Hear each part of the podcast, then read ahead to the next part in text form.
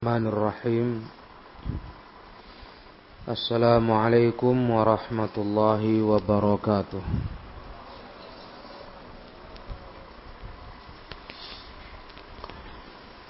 إن الحمد لله نحمده ونستعينه ونستغفره ونعوذ بالله من شرور أنفسنا ومن سيئات أعمالنا من يهده الله فلا مضل له ومن يضلل فلا هادي له. أشهد أن لا إله إلا الله وحده لا شريك له وأشهد أن محمدا عبده ورسوله الذي لا نبي بعده.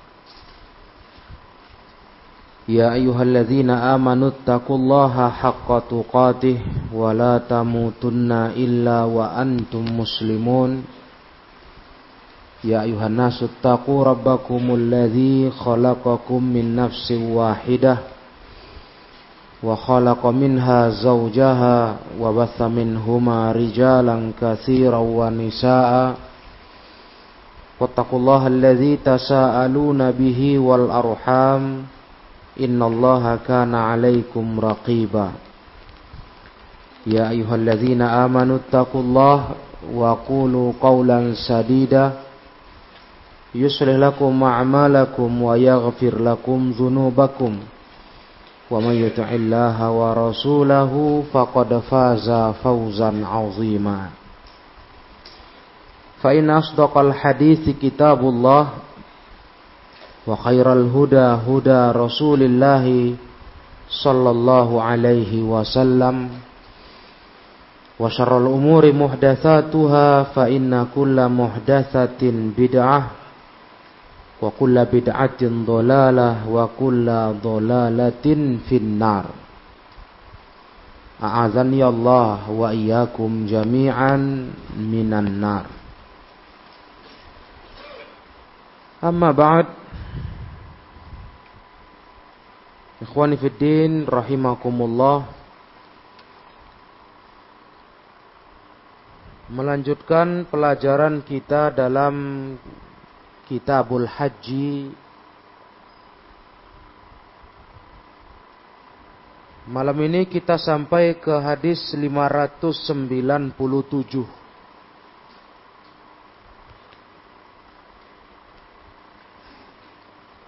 Hadis sebelumnya kita membahas tentang bolehnya anak kecil yang sudah mumayyiz belum balik berangkat haji dibawa orang tuanya. Hajinya sah. Hanya saja belum mencukupi. Maksudnya kalau anak ini nanti dewasa dan dia mampu, dia masih terkena kewajiban haji. Karena dia mengamalkan haji di waktu usianya belum balik. Nanti sudah dewasa, ada kemampuan maka dia wajib untuk berangkat haji. Dan haji anak kecil para ikhwah pahalanya didapati oleh orang tuanya. Itu yang Nabi jawab kepada wanita yang bertanya kepada beliau. Nabi tekan, tegaskan kepada wanita itu kata Nabi Shallallahu Alaihi Wasallam bahwasanya bagimu pahala daripada haji anak tersebut. Walaki ajrun kata Nabi, kamu dapat pahala. Orang tua yang membawa anaknya haji dia dapat pahala. Iya. Dan ini bukan perbuatan buang-buang harta. Silahkan. Ya, sesuai dengan peraturan kalau memang masih ada diperkenankan anak di bawah usia, di bawah haji, maka boleh. Ya, itu bukan perbuatan buang-buang harta. Nah, dan di dalam hadis itu pula kita dapati bahwa suara perempuan bukan aurat. Apabila perempuan itu tidak melemah lembutkan suaranya.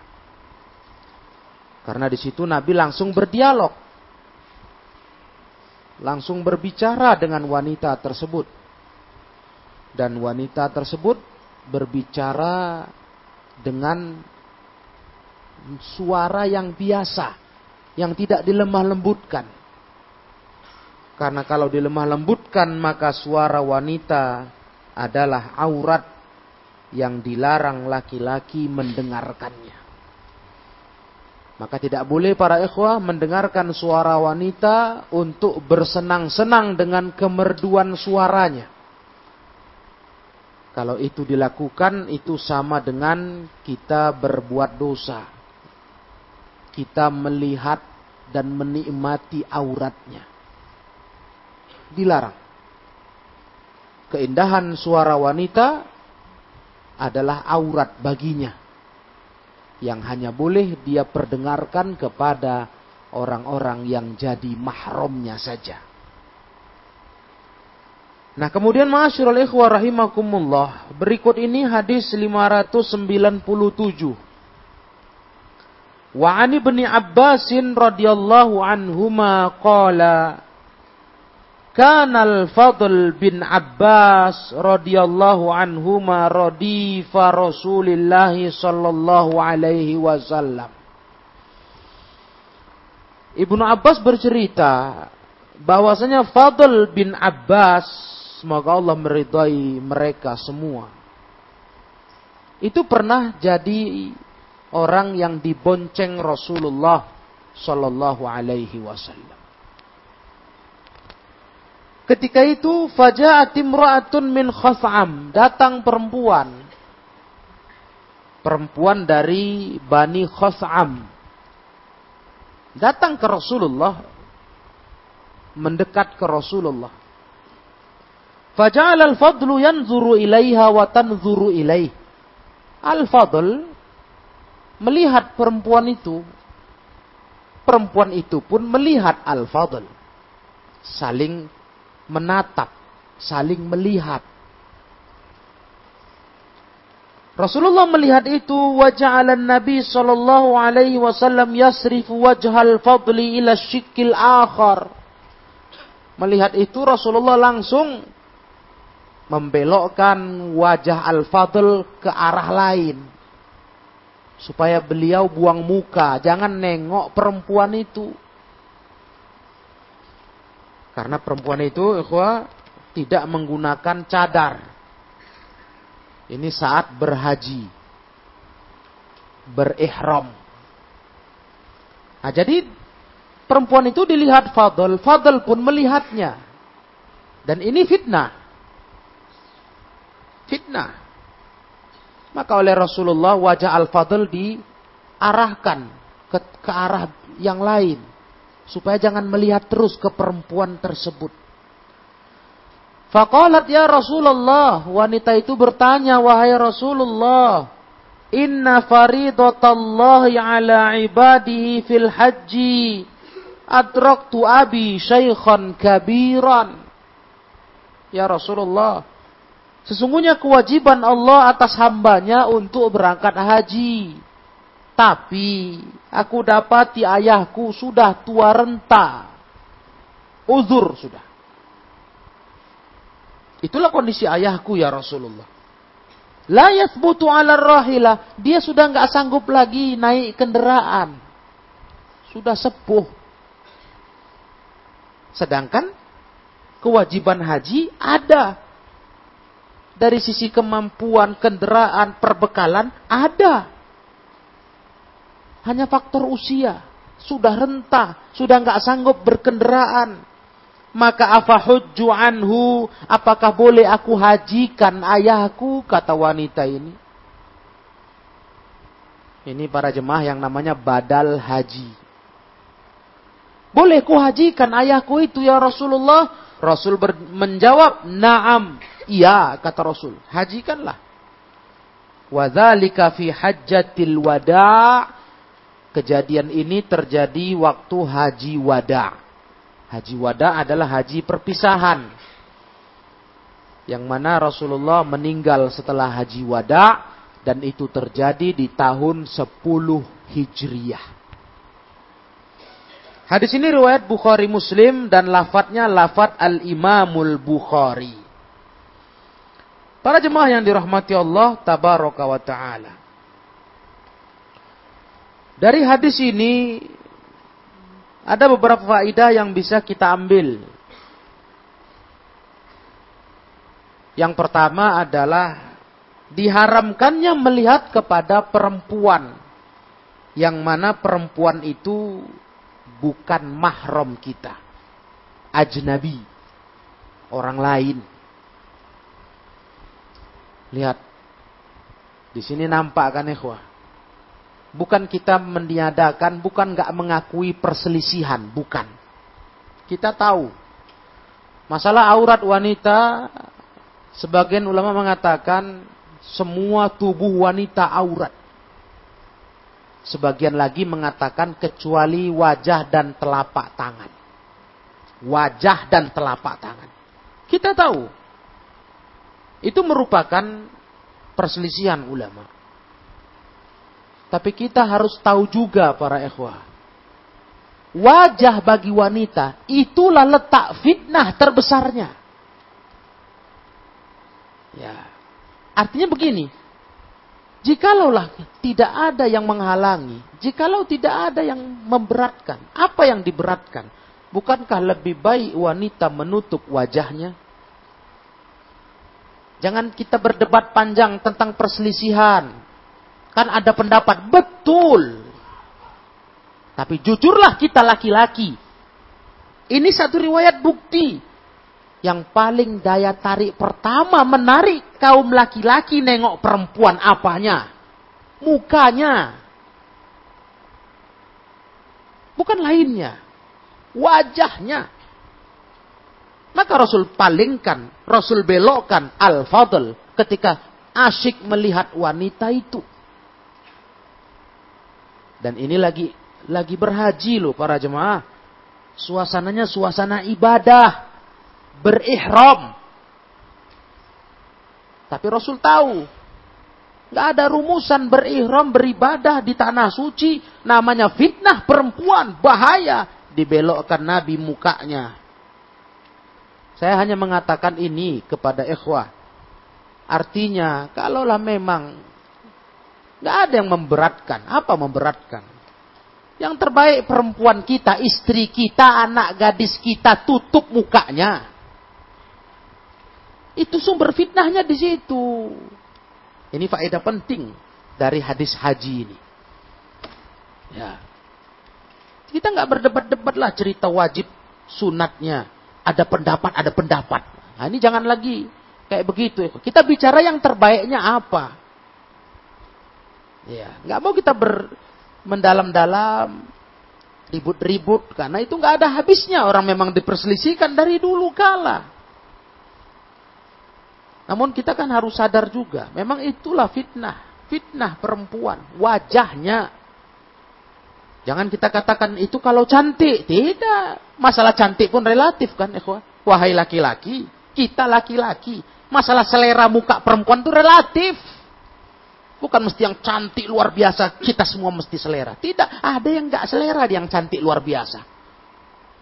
Yang sedang-sedang saja. Ini ya suka. Hmm. Itu memang relatif mata kita.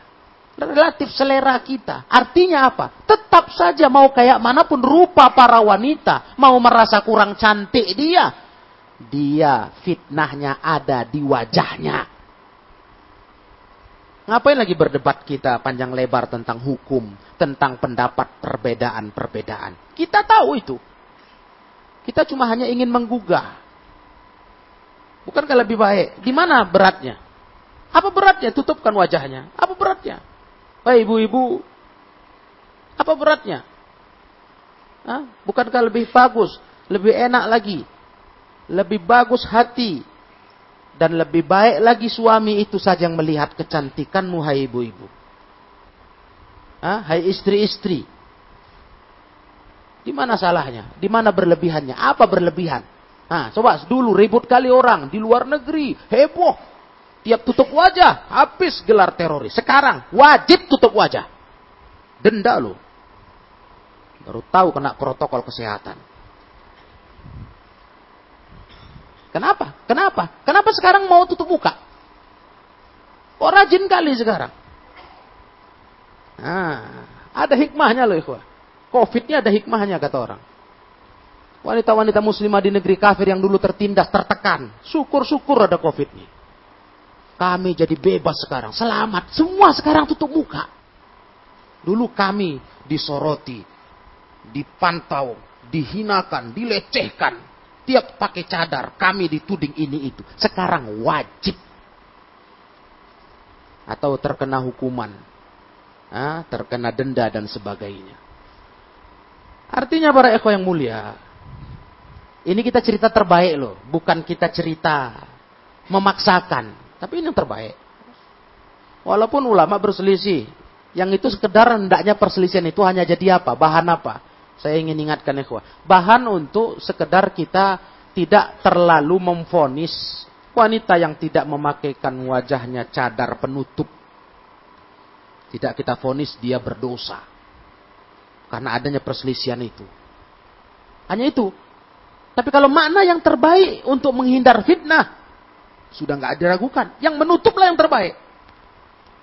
Yang menutup yang terbaik. Karena di situlah sumber fitnah wanita.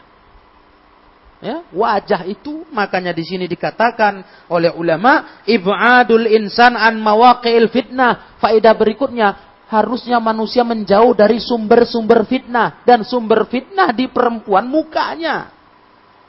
Sadarlah ibu-ibu, Iya, sadarlah. Bukan hanya yang sangat cantik kok yang terfitnah orang nengok wajahnya. Pokoknya wajah wanita bikin fitnah. Tidak ada lagi itu.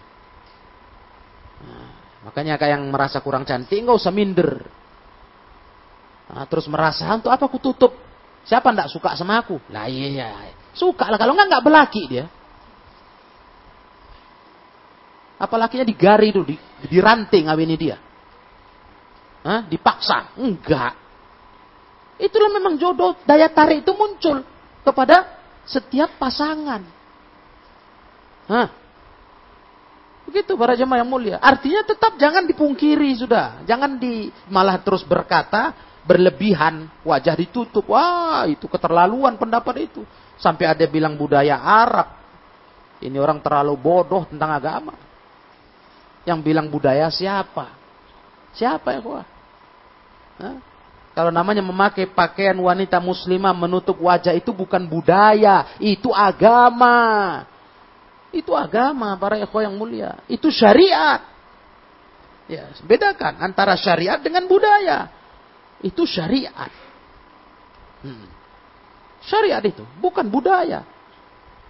Jadi ma'asyiral ikhwah, ini faedah penting yang sangat penting kita ingatkan pula di kajian ini. Nah, kemudian setelah itu dalam berhaji boleh perempuan menggantikan laki-laki. Badal haji itu boleh berbeda jenis kelaminnya. Boleh. Wanita tadi bertanya kepada Nabi Shallallahu Alaihi tentang ayahnya. Boleh aku hajikan ya Rasul? Kata Rasulullah, iya. Naam. Berarti para ikhwah diambil faedah oleh ulama, maka bolehlah wanita menggantikan haji seorang lelaki dan begitu pula laki-laki menggantikan haji seorang wanita. Syekhul Islam Ibnu Taimiyah berpendapat boleh laki-laki menghajikan perempuan Begitu pula kebalikannya menurut kesepakatan ahli ilmu. Dan ini pendapat empat imam mazhab. Itu kata Ibnu Taimiyah. Ya juzulir rajuli al-hajj alal alal mar'ati bittifaqi ahli ilmi wa kadzal aqsu 'inda al-a'immatil arba'ah. ini pendapat empat imam mazhab boleh. Siapa yang ingin menghajikan ibunya bagi kita laki-laki, silahkan. Walaupun tidak sama jenis. Atau ibu-ibu ingin menghajikan ayahnya, silahkan. Gak ada masalah. Iya, boleh saja. Jadi ini kesepakatan ahli ilmu. Walaupun ada juga segelintir, ya, itu namanya perselisihan ya. Walaupun empat madhab sudah sepakat, ulama-ulama lain sepakat. Ada juga sebagian, ba'dul fukoha, sebagian ahli fikih yang mengatakan tak boleh. Tapi itu kan lemah berarti. Kenapa? Praktek di hadis ini sudah jelas. Boleh kata Nabi. Dari mana dikatakan tak boleh? Itu makanya ikhwah saya sering ingatkan kita, perselisihan itu jangan dipandangi sesuai selera. Yang penting ada pendapat. Jangan. Itu enggak luas fikih namanya. Itu namanya ikut nafsu. Ya. Itu namanya ikut nafsu. Nah, bukan luas fikih itu semua mau diambil mana cocok, mana suka. Walaupun pendapat mengganjil-ganjil. Enggak boleh begitu. Dalil sudah jelas pendapat mana yang paling kuat. Hadis Bukhari Muslim yang baru kita baca. Wanita bertanya ke Nabi, boleh ku hajikan ayahku yang sudah tua? Nabi bilang, iya. Berarti beda jenis kelamin boleh saling menghajikan. Nah, dalilnya begitu dan inilah pendapat yang paling terkuatnya. Nah, ikhwan yang mulia, bagi seorang yang tidak mampu menunaikan haji dengan badannya, selagi dia hidup, maka dia tidak wajib berhaji. Tak wajib. Tapi kalau dia punya harta, dia ingin menggantikan status hajinya ke orang lain, maka boleh. Ya. Kalau memang dia ada harta. Tapi kalau udah nggak ada harta, sudah pula fisik nggak sanggup, ya sudah, nggak wajib haji, nggak usah paksa. Kalau dia berharta, cuma untuk menjalani haji sendiri sudah nggak mampu. Nah, mungkin faktor fisik penyakit atau lainnya. Yang memang uzur syar'i ya. Uzur syar'i. Nah, kalau kesibukan nggak uzur syar'i, kesibukan dunia. Itu nggak uzur syar'i. Tapi kalau sakit, menahun, fisik sudah menua, nggak mampu lagi menghadapi perjalanan ibadah haji dengan segala kewajiban dan sunat-sunatnya nggak mampu, ya sudah kalau dia nggak punya harta ya sudah. Kalau punya harta dia boleh menggantikannya ke orang lain. Nah, karena Allah memberikan syarat dalam surah Ali Imran 97, manistata'a ilaihi sabila. Haji ini bagi siapa yang sanggup ada mampu jalan ke sana. Nah, kalau dia berharta, nah, cobalah dia hajikan dirinya lewat orang lain. Boleh anaknya, boleh siapa pun. Dia minta tolong dihajikan atas namanya. Itu kalau dia berharta. Para ikhwan yang mulia, satu catatan yang ingin saya tegaskan dalam kajian kita. Kalau dia mau membadalkan haji kepada orang lain, baik dia yang masih hidup tapi sudah nggak sanggup berangkat haji, atau yang sudah meninggal dunia, ada harta peninggalan dia, dia mau dihajikan, ya oleh orang lain dengan hartanya itu. Ini harus diingat, prosesnya tidak boleh kecuali sekali berangkat haji untuk satu orang yang membadalkannya. Prosesnya satu orang membawa haji satu orang, begitu. Maksudnya apa? Jangan sampai ini jadi bisnis ada satu orang menampung badal haji sekian orang. Hmm. Ini bisnis marak ini kok. Menampung badal haji sekian orang dengan biaya selayaknya orang haji. Dia kumpulkan ada 10 orang. Dia berangkat ke tanah suci. Di sana dia cari. Dia cari orang yang bisa dia bayar dengan upah yang ya tentunya tak semahal ongkos haji yang dia tampung dari para orang yang ingin membadalkan haji keluarganya. Dah, dia kasih uang Dan itu memang menjadi sebuah jaringan bisnis. Nah, keluarga untuk menyenangkan hati mereka biar puas, kasihkan sertifikat haji. Selesai. Nah, ini tidak boleh para ikhwah rahimakumullah. Pendapat yang terkuat dari ulama ini tidak boleh. Kalau mau membadalkan haji, berangkatlah atas nama satu orang. Kerjakan di sana kerja badal haji itu. Ah, pulang lagi. Bukan bisa berangkat satu orang membawa sekian nama yang mau badal haji. Nah, di sana nanti dia bagi. Iya, dia kasih uang kepada orang-orang yang mengerjakan haji badal ini. Sisanya untung untuk dia. Tinggal dia cetak saja dan ini yang paling terpenting bagi banyak orang, status buatkan piagam haji dari Garuda, selesai. Dah, orang pun senang. Ayahku sudah ada gelar H di depan namanya. Apa ini ikhwan? Jadi ini jangan sampai terjebak yang begini. Nah, ini perlu diingatkan karena memang ini hal yang sangat sering terjadi. Tak sepantasnya seperti itu. Nah, karena badal haji itu punya aturan tersendiri. Sekali safar, sekali berangkat haji untuk satu orang. Satu orang yang membawa haji orang yang dia hajikan. Sampai pulangnya dari safar haji. Selesai. Inilah yang seharusnya syar'i, yang sesuai syar'i, yang dituntunkan dalam Islam. Nah, begitulah para ikhwan yang dimuliakan Allah tabaraka wa taala. Kemudian di faedah berikutnya di hadis ini dalil wajibnya perempuan membuka wajahnya waktu berihram. Waktu berihram. Ya, wajib membuka wajahnya. Karena wanita tadi buka wajah, makanya Al-Fadl bin Abbas tertarik melihatnya. Al-Fadl bin Abbas tertarik melihatnya.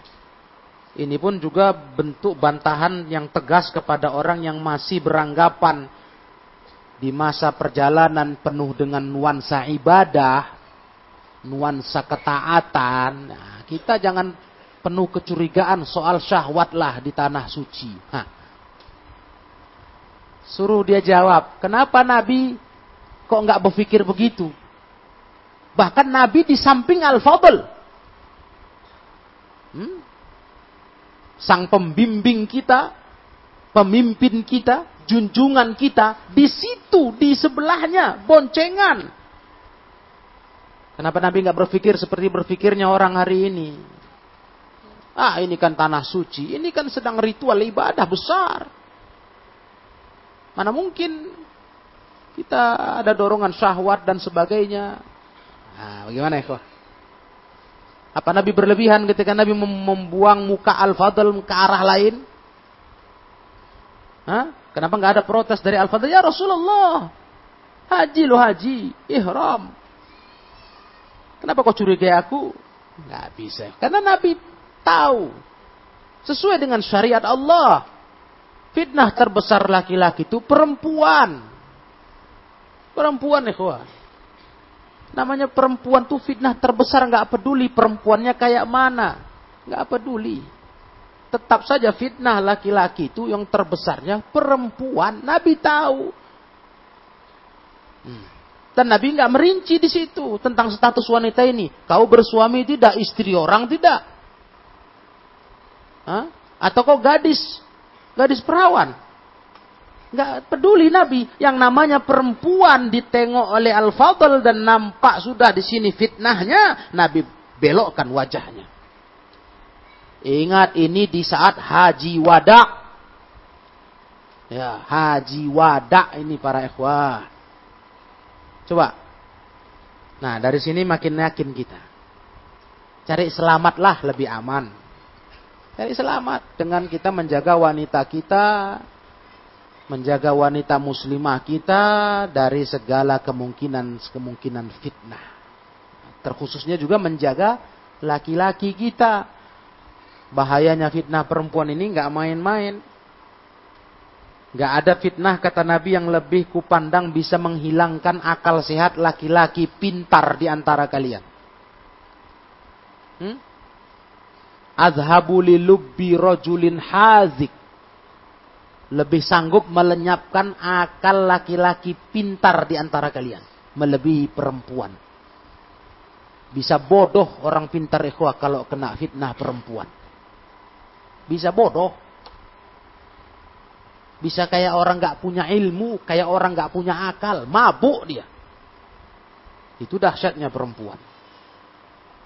Makanya para ekor yang mulia, di sini nampak bagaimana tuntunan syariat dalam menghadapi fitnah wanita. Nah wanita di waktu musim haji berumrah buka wajahnya. Ya. Tapi kalau dalam fatwa Syekh bin Bas, kalau ada wanita eh, laki-laki ajnabi, laki-laki ajnabi, dan itu selalu ada lah kalau hari ini, ramai orang. Nah itu dia berusahalah menghindarkan wajahnya dari tatapan mereka. Kalau Syekh bin Bas membolehkan di saat banyaknya laki-laki ajnabi yang gak mahram dia tutup wajahnya. Itu pendapat dari Syekh bin Bas. Syekh Al-Albani sebagai salah satu ulama ahli sunnah yang berkeyakinan wajah dan telapak tangan bukan aurat. Ya, bukan aurat tapi beliau tetap berpendapat yang utama adalah menutup wajah wanita dan keluarga beliau menutup wajahnya semua. Keliru orang memakai fatwa Syekh Al-Albani untuk menyerang hijab. Beliau bukan maksudnya itu, bukan maksud mendudukkan lebih utama mana. Beliau hanya ingin kasih tahu wanita itu tidak berdosa kalau nggak pakai cadar. Karena bukan aurat menurut yang beliau yakini. Nah, kalau beliau meyakini, ya harus buka. Karena dasar tadi. Di saat ihram, Ya buka.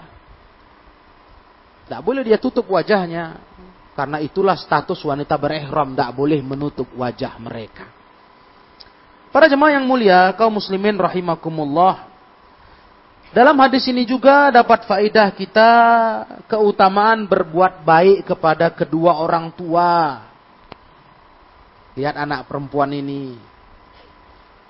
Dia perhatian dengan ayahnya yang sudah tua.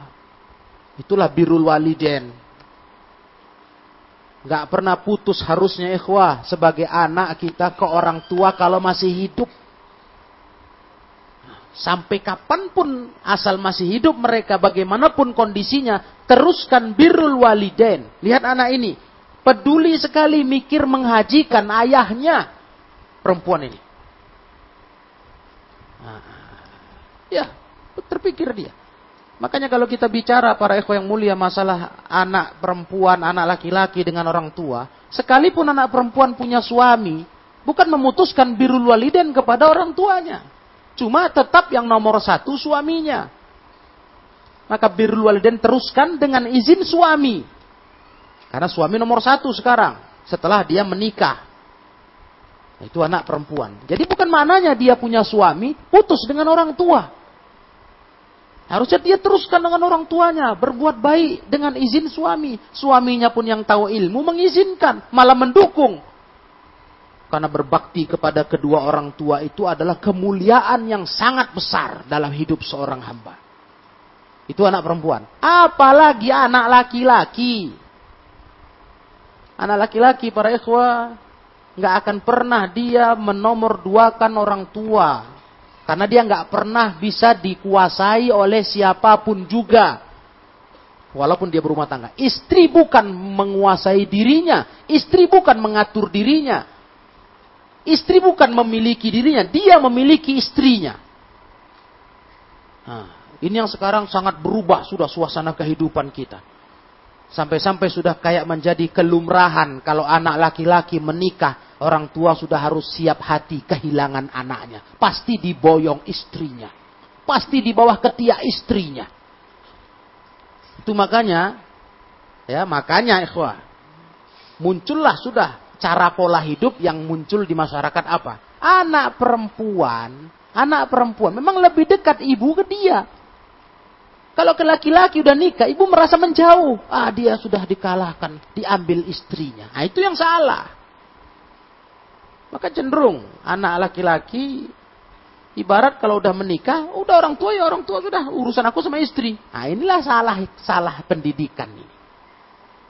Saya menyenggarkan kajian kita saja ya, karena di sini mumpung ada faidah dari para ulama. Harusnya kita didiklah anak laki-laki itu.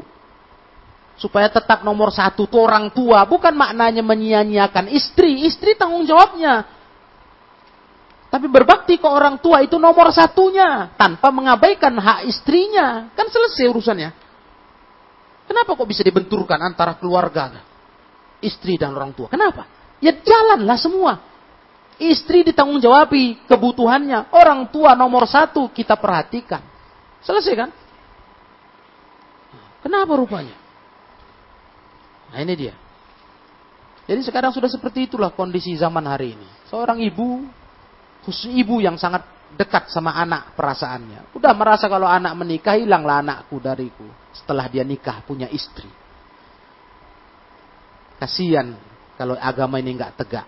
Padahal harusnya anak laki-laki lah yang tak putus-putus mengurus orang tua. Sampai dia kapan pun dia. Walaupun dia sudah jadi kakek-kakek lagi. Beranak, bercucu lagi. Tetap kalau orang tua masih hidup, orang tua nomor satu yang harus dia berbakti kepadanya. Karena Nabi yang bilang, antawa malu kali abika. Kau dan hartamu punya ayahmu. Nabi yang bilang, ikhwah. Untuk anak laki-laki. Kamu dan hartamu punya ayahmu. Itu hadis. Bagaimana kok bisa setelah beristri orang tua tinggal, hilang, putus hubungan? Astagfirullah. Hah? Udah tunduklah di bawah ketiak istri. Ini laki-laki apa? Jadilah laki-laki, suami yang betul-betul membimbing istri. Untuk dia paham, kelak kau pun begini nanti dengan anakmu. Kita didik anak kita pun begitu sama kita. Sekarang dukung saya untuk berbakti ke orang tua. Kalau saya berbakti ke orang tua, ridho dia ke saya, saya diridho Allah karena diridho orang tua. Kau senang dibawahi suami yang diridho Allah. Itu teorinya para ibu-ibu. Tapi kalau saya dimurka orang tua, berarti saya mimpin kamu sebagai orang yang dimurka Allah karena itu hadis. Ridho Allah fi ridho walidain wa suhtullah fi suhtil walidain. Ridho Allah di, ada di ridho orang tua. Marah Allah ada di marah orang tua. Coba kau mau ku pimpin statusku orang yang dimurka Allah karena murka orang tuaku. Apa nanti senangnya hidup kita kalau aku orang dimurka Allah mimpin kau hei istriku. Begitu kasih tahu dia. Jadi dia yang untung nantinya.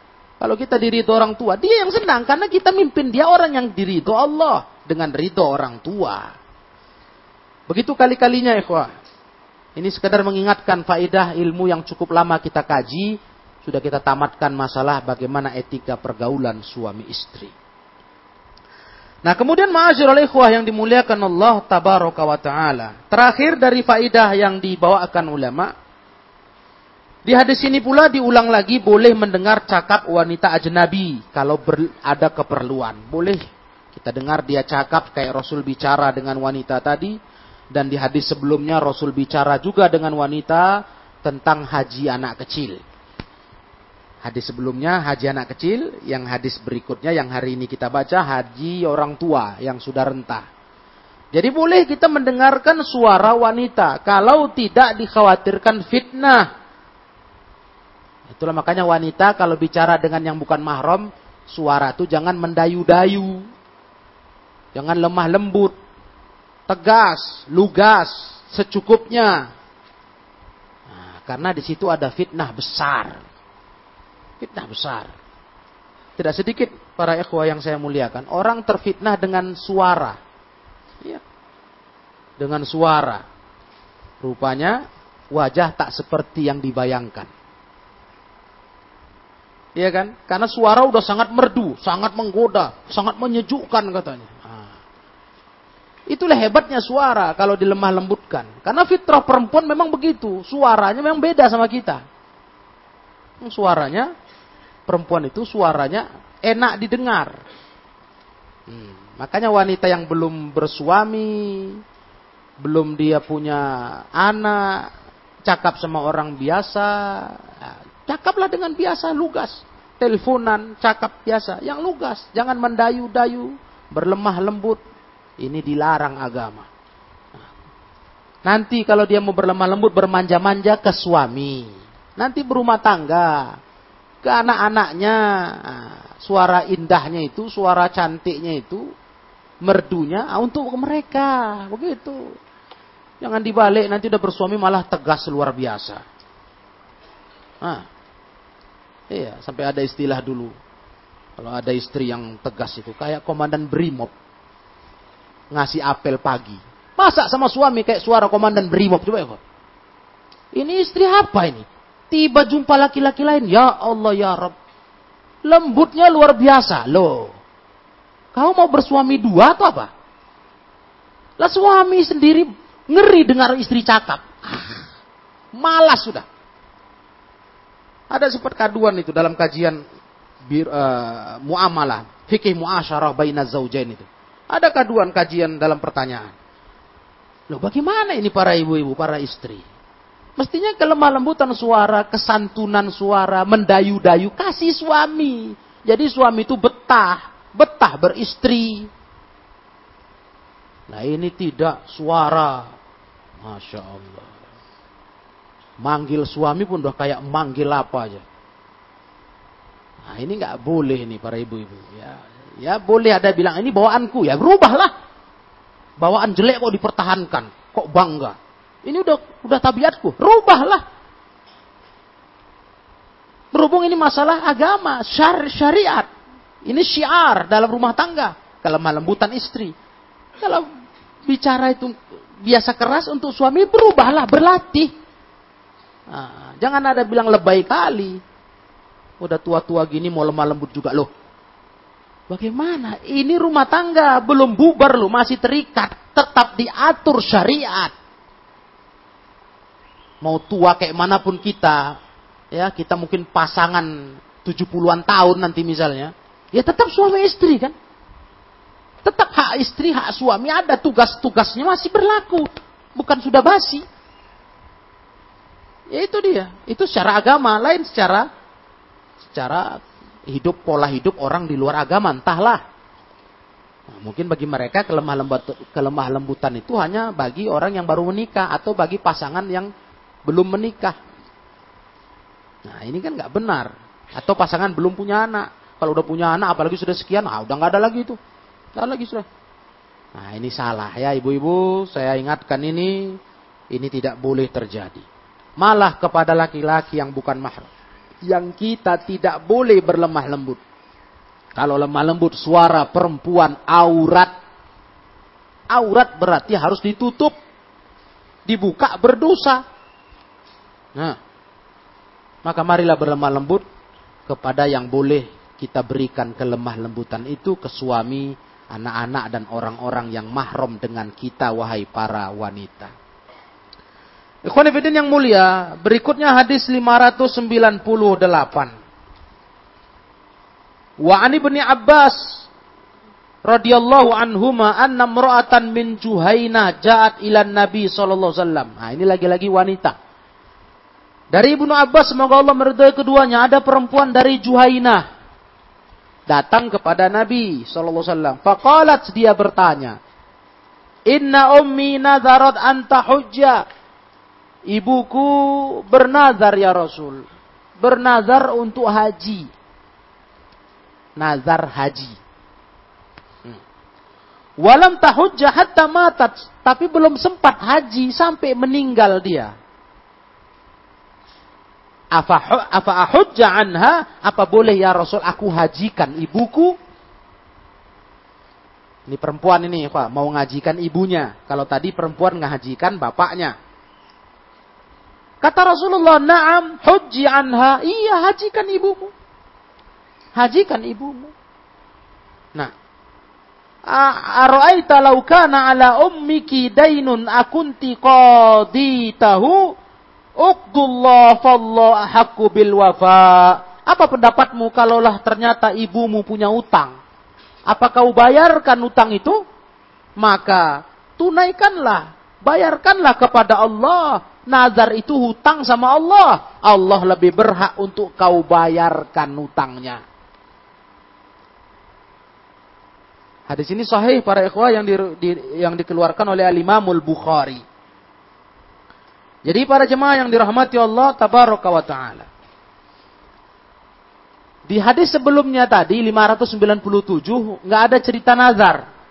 Hanya keinginan anak perempuan mau ngajikan ayahnya. Sudah tua renta. Nggak sanggup lagi haji naik kendaraan. Tapi di hadis 598 ini masalah haji yang dari nazar. Dasar hajinya itu. Nazar si ibu. Kita tahu semua nazar para ikhwah yang mulia secara syariat itu adalah mengharuskan diri ya, yang tak harusnya sebelumnya tak harus dilakukan, tapi diharuskan diri kita karena Allah Ta'ala. Itu nazar. Harusnya kita nggak harus melakukannya, tapi kita mengharuskan dengan diri kita. Bertekad kita. Nah, itu nazar. Dengan kalimat saya bernazar. Begitu. Nah, ibu ini pernah bernazar mau haji. Tetapi Allah dia meninggal belum sempat nazar itu dipenuhi. Berarti dia hutang sama Allah. Dan memang nazar ini para jemaah yang dirahmati Allah hukum asalnya makruh. Hukum asal nazar dibenci, makruh. Kenapa demikian? Karena nazar itu kata Rasulullah sallallahu alaihi wasallam itu keluarnya dari orang pelit. Karena biasanya nazar itu pakai syarat. Kalau aku begini, aku akan begini. Nah, aku nazar begini. Kalau aku begini, nah, itu itu orang pelit begitu. Mau beramal aja pun pakai syarat. Maka hukum dasarnya makruh. Tapi kalau sudah diikat nazar itu, sudah diucapkan, maka hukum asal mengerjakannya wajib. Jadi ibadah. Begitu. Dan di sini sudah terjadi para ikhwah, ibu ini bernazar untuk berangkat haji. Oleh karena itu, para ikhwah yang dirahmati Allah tabaraka wa taala, wajib membayar nazar tersebut. Kalau udah meninggal siapa yang bayar? Anaknya, ahli warisnya. Ahli warisnya. Itu yang berhak membayar nazar tersebut. Dalam hal ini, anak perempuannya ini yang nanya ke Nabi, Nabi pun berkata, iya bayarkan nazar ibumu. Bagaimana kalau dia berutang? Kan dibayarkan? Nah, maka bayarkan nazar ibumu. Para jemaah rahimakumullah. Menunaikan nazar itu wajib atas mayit walaupun dia nggak berwasiat. Misalnya dia nggak ada wasiat, nggak ada pesan apa-apa. Tapi anak-anaknya tahu ibuku pernah bernazar, maka wajib menunaikan nazar itu. Ya, karena itu hutang sama kayak puasa. Kalau orang tua kita ada utang puasa, ya, utang puasa karena nazar. Dia pernah bernazar, jika aku begini, aku akan puasa sebulan misalnya. Akan puasa 15 hari. Rupanya tercapai yang dia inginkan. Belum sempat puasa, meninggal. Itu namanya utang. Utang puasa, nazar. Bagaimana ini? Kalau ada meninggal orang tua kita punya hutang puasa nazar. Kita anak-anaknya yang membagi-bagikan nazar itu, gantikanlah dengan puasa. Bayar. Kalau 15 hari, kita ada lima orang, bagi. Misalnya, atau anaknya satu orang, dua orang. Nah, pokoknya dikerjakan nazar orang tua. Beda kalau dia meninggal dunia, punya hutang puasa Ramadan, belum sempat terganti, cukup bayar fidyahnya. Ya, kalau utang puasa Ramadan, cukup bayar fidyahnya. Kalau dia belum sempat ganti setelah dia meninggalkan puasa karena uzur. Tapi kalau meninggalkan puasa nazarnya belum dibayarnya, belum dikerjakannya, itu wajib dibayar oleh anak-anaknya. Bayar dengan cara berpuasalah anak-anaknya. Sejumlah utang nazar orang tuanya. Nah, para jemaah yang dirahmati Allah tabaraka wa taala. Kalau tidak dibayar, nanti dia tertanggung utang dalam tanggungan dia nazar itu. Ini haji yang kasus hadis 598 haji. Ya sudah, bagi anaknya segera membayarkan haji ibunya. Bayarkan hajinya. Ya. Karena haji ibunya sudah berjanji dengan nazar, bertekad, bernazar. Jadi harus diganti anak perempuan ini ingin menggantikan nazar sang ibunya. Di hadis ini pula lah para ikhwah yang dirahmati Allah tabaraka wa taala dalil yang menunjukkan sampainya pahala ibadah haji dari orang hidup ke orang mati. Ya. Karena jelas haji anaknya yang bayar nazar ibunya sampailah tentu. Karena dengan itu utang nazar ibunya terbayarkan, berarti sampai pahalanya. Lah bagaimana dengan pahala lainnya? Orang hidup ke orang mati. Ini waktu kita membahas kitab Bulughul Maram bab Kitabul Janais. Mudah-mudahan ikhwah masih ingat sudah dirincikan itu. Saya sudah sampaikan rinciannya. Tentang perselisihan ulama yang menyatakan pahala orang hidup dalam beribadah apakah sampai kalau dihadiahkan ke orang mati. Hmm. Itu berselisih ulama. Tapi yang uniknya ikhwah, sekedar murojaah lagi. Kalau dari versi mazhab Syafi'i, Imam Syafi'i rahimahullah sebagaimana yang ditegaskan Imam Ibnu Katsir dalam tafsirnya dan beliau seorang ulama Syafi'i tidak sampai pahala amalan orang hidup kalau dihadiahkan ke orang mati. Tidak sampai itu. Hah? Karena putus sudah. Bagi orang mati hanya tiga yang nyambung kepada dia di alam barzaknya. Tiga. Apakah ada ilmu manfaat yang diajarkannya ke manusia?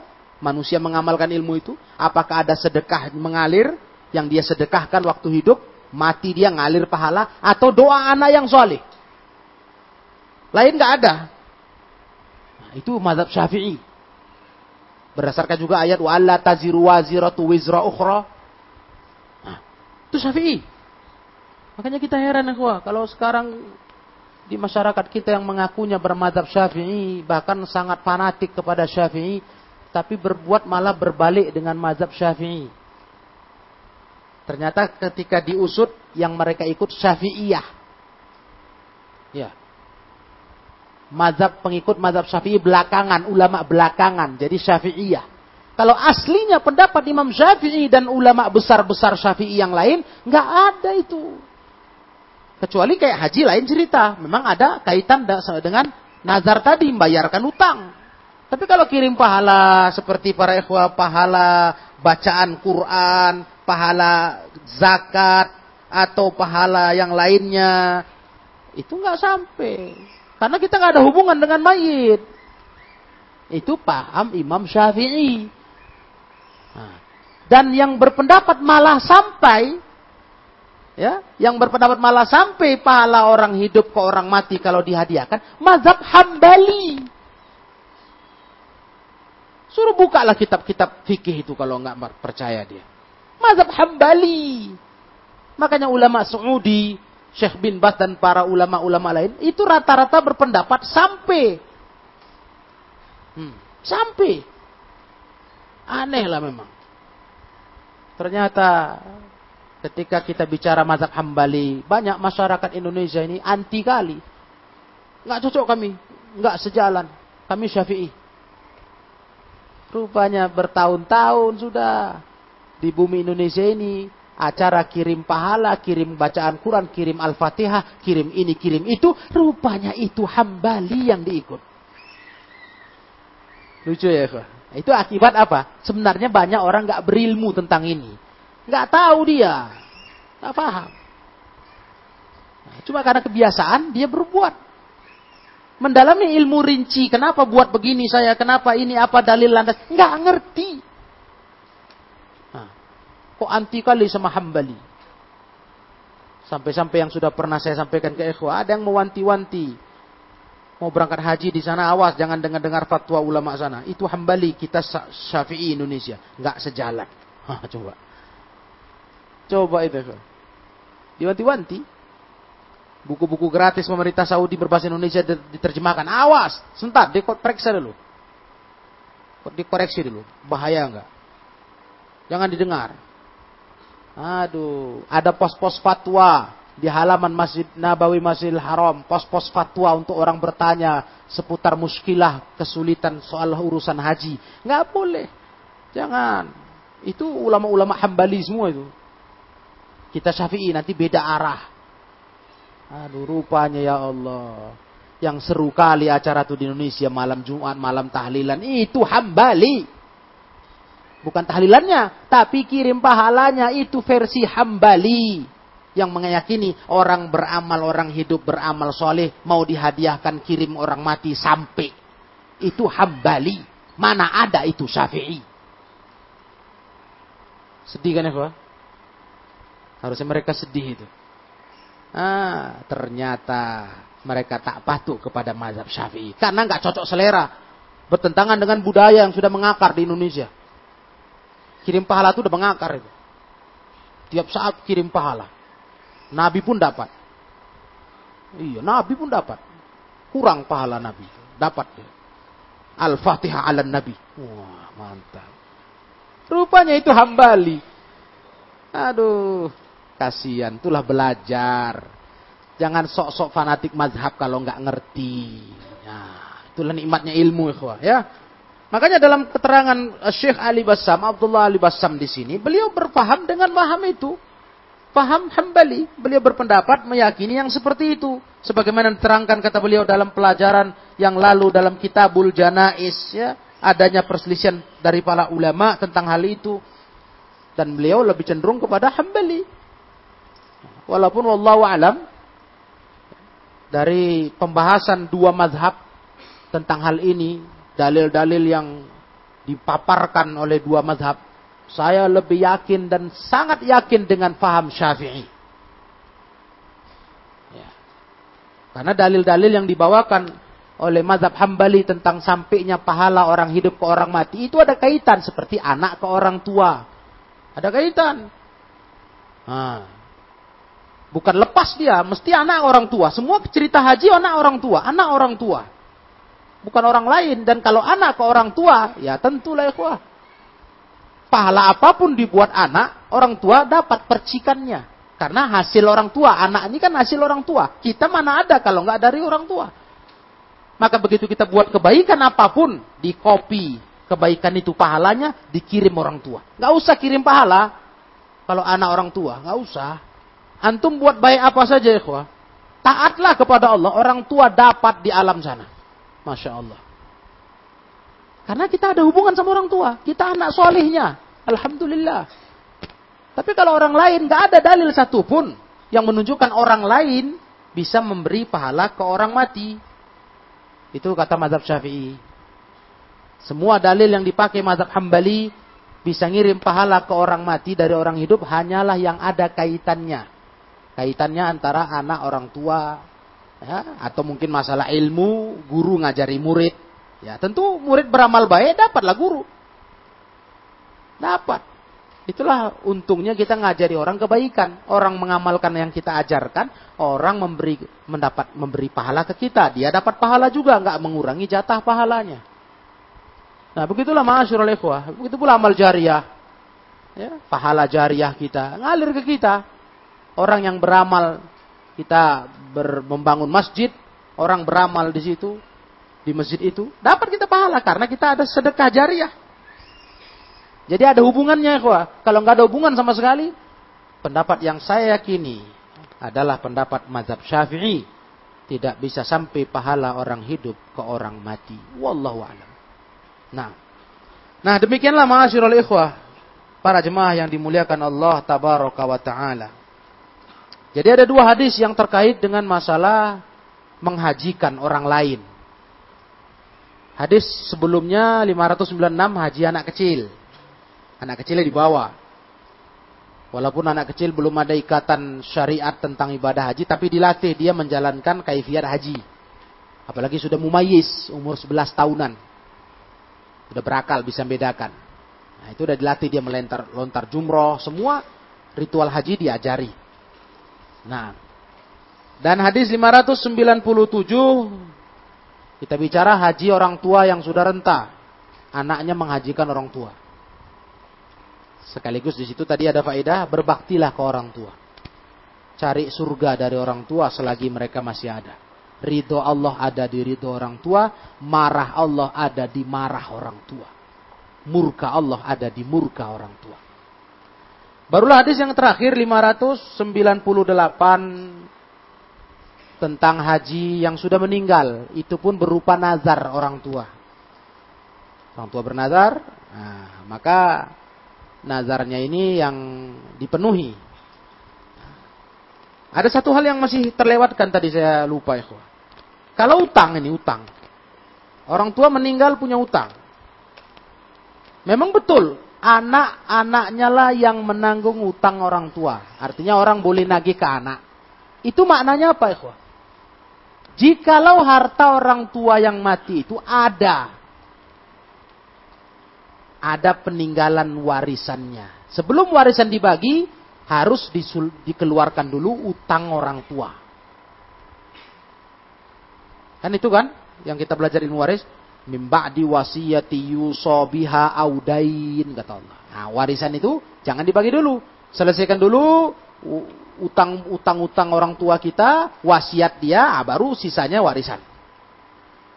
Jadi bagaimana kalau ternyata orang tua mati banyak utang, tapi juga nggak punya harta untuk ditinggalkan untuk bayar itu? Apakah anaknya terbebani bayar utang orang tua? Nah, ini yang jadi permasalahannya. Nah, maka kalau maksud terbebani dalam arti wajib membayar, tidak. Itu pendapat mazhab Hambali. Tidak. kalau utang orang tua, orang tua mungkin berutang banyak. Meninggal nggak ada ninggalkan harta warisan. Bisakah anak-anaknya yang dituntut untuk melunasi utang orang tua? Kalau wajib namanya tidak. Tapi kalau maksudnya adalah uh, sunat dianjurkan, sukarela dia, ah, silahkan. Ya, karena orang tua nggak meninggalkan harta. Kalau ada tadi harta ditinggalkan, ah, bisalah orang yang diutangi orang tua datang menuntut utangnya, kita bayar pakai harta orang tua. Biarlah habis, kalaupun habis nggak ada warisan, nggak apa-apa. Memang harus diluarkan utang. Utang dan wasiat. Nah ini jangan lupa ya kok. Ini tambahan penting ini saya malah saya rasa. Ya, supaya kita ngerti kalau tidak ada uang orang tua ditinggalkannya waktu mati, maka tidak ada kewajiban beban anak membayarin utang orang tuanya. Orang tua nggak meninggalkan harta apa pun ya.